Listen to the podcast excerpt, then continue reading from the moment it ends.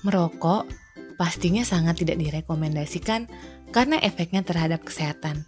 Bagaimana sih sebetulnya efek merokok terhadap kesehatan paru-paru? Benarkah perokok lebih rentan terinfeksi COVID-19? Lalu, benar nggak ya isu yang mengatakan bahwa COVID-19 dapat menular melalui rokok? Yuk ketahui faktanya di sini. Pada kesempatan ini saya akan membahas mengenai masalah rokok terhadap kesehatan tubuh, khususnya di paru. Seperti kita ketahui, rokok apabila dibakar akan menghasilkan ribuan kandungan bahan berbahaya dalamnya. Salah satunya tar, nikotin, yang pada banyak penelitian sudah membuktikan bahwa berbahaya terhadap kesehatan paru dan berbagai organ tubuh yang lain. Selain tentu menyebabkan adiksi atau kecanduan, sehingga para perokok sangat sukar untuk uh, berhenti merokok. Selain di masalah di paru, juga Rokok berpotensi menimbulkan masalah hipertensi, stroke, kanker paru, gangguan kesuburan, perkembangan janin, dan masih banyak masalah yang lain.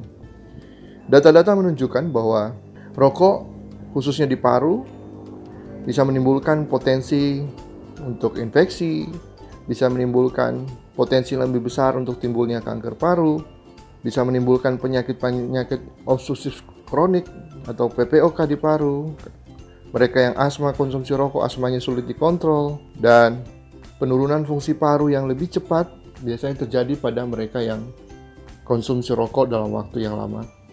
Jadi pada kesempatan ini saya bisa sampaikan bahwa merokok menimbulkan masalah serius bukan hanya di paru tapi organ tubuh yang lain. Semakin cepat menghentikan atau berhenti merokok akan semakin baik buat kesehatan. Mengenai resiko terhadap perilaku merokok dan resiko COVID, uh, sudah banyak penelitian uh, dilakukan. Salah satunya penelitian yang dilaksanakan di Cina menunjukkan bahwa mereka yang merokok itu resiko terjadi uh, pneumonia COVID-19 lebih besar. Penelitian di Cina misalnya mengatakan bahwa 58% penderita COVID-19 adalah laki-laki yang rata-rata merokok lebih sering daripada perempuan. Uh, pada beberapa penelitian juga menunjukkan bahwa mereka yang merokok berisiko mengalami COVID yang lebih berat. Risiko risikonya dinyatakan sampai dua kali lipat pada perokok dibandingkan dengan bukan perokok. Pada penelitian meta-analisis yang lain, di misalnya yang dilakukan oleh Patana Vanic, terdapat hubungan merokok dan perburukan COVID dan uh, itu sangat bermakna. Perburukan yang terjadi pada mereka yang uh, merokok itu lebih berat komplikasinya dan risiko meninggalnya pada yang terkena COVID pada perokok daripada yang tidak merokok. Pada jurnal New England Journal juga ditemukan pada perokok pasien COVID lebih sering membutuhkan perawatan intensif dibandingkan dengan bukan perokok. Jadi dikatakan pada beberapa penjelasan pada mereka yang merokok terjadi gangguan sistem imunitas saluran napas dan paru karena asap rokok. Kemudian pada perokok itu juga meningkatkan potensi regulasi reseptor angiotensin converting enzyme 2 AC2 seperti kita ketahui. AC2 ini tempat menempel virus uh, SARS-CoV-2. Jadi ketika terjadi regulasi yang meningkat, tentu potensi untuk terinfeksi lebih besar. Kemudian di, pada perokok yang sudah lama berisiko menimbulkan penyakit kronik seperti jantung, diabetes, PPOK yang merupakan faktor komorbid penyebab pemberat sehingga ketika ada infeksi COVID keadaan umumnya bisa lebih berat. Yang lain juga sering kita dapatkan pada mereka merokok sering memegang mulut saat menghisap rokok dengan tangannya karena dilakukan tanpa sadar dan kadang cuci, tanpa cuci tangan sehingga itu meningkatkan risiko terkontaminasi.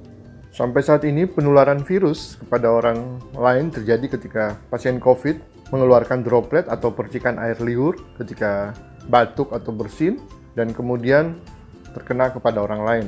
Belum ada sampai saat ini penelitian yang buktikan bahwa asap rokok bisa yang dihembuskan bisa menularkan uh, virus COVID ini. Adapun tips kesehatan yang bisa dilakukan untuk menghindari infeksi COVID bisa dilakukan antara lain dengan sering mencuci tangan Jadi dengan sering mencuci tangan, bisa dengan air yang mengalir, dengan sabun, atau menggunakan hand sanitizer yang mengandung alkohol dengan kadar setidaknya 70%. Kalau ada virus yang menempel di tangan, tentu bisa hilang dengan upaya mencuci tangan tersebut. Hal lain yang bisa dilakukan adalah dengan menjaga jarak atau social distancing untuk meminimalkan kemungkinan pajanan atau paparan terhadap kita dari lingkungan sekitar kita. Kemudian upaya untuk tidak sering menyentuh wajah, mulut, atau mata seperti itu untuk minimalkan terjadinya infeksi. Yang lain yang bisa dilakukan adalah mempraktekkan etika yang baik ketika bersin atau batuk dengan e, menutup mulut untuk menghindarkan pajanan atau pemaparan virus ke lingkungan sekitarnya. Kalau ada keluhan yang berlanjut, misalnya demam, di atas 38 atau lebih, batuk, sesak, misalnya di tenggorokan, berlanjut beberapa hari atau sudah diobatin masih ada keluhan, tentu harus segera periksa ke dokter. Kemudian bila kita ke tempat umum atau ke keramaian, kita juga menggunakan masker untuk minimalkan resiko infeksi. Dan kita juga bisa sering membersihkan permukaan benda atau barang yang sering kita disentuh, terutama di tempat kerja seperti itu, telepon, gagang pintu, atau keyboard komputer, kita bersihkan dengan cairan disinfektan sehingga meminimalkan potensi infeksi yang datang dari sana. Nah, sudah terjawab ya healthy people. Jadi, stop merokok dan yuk mulai hidup sehat dari sekarang.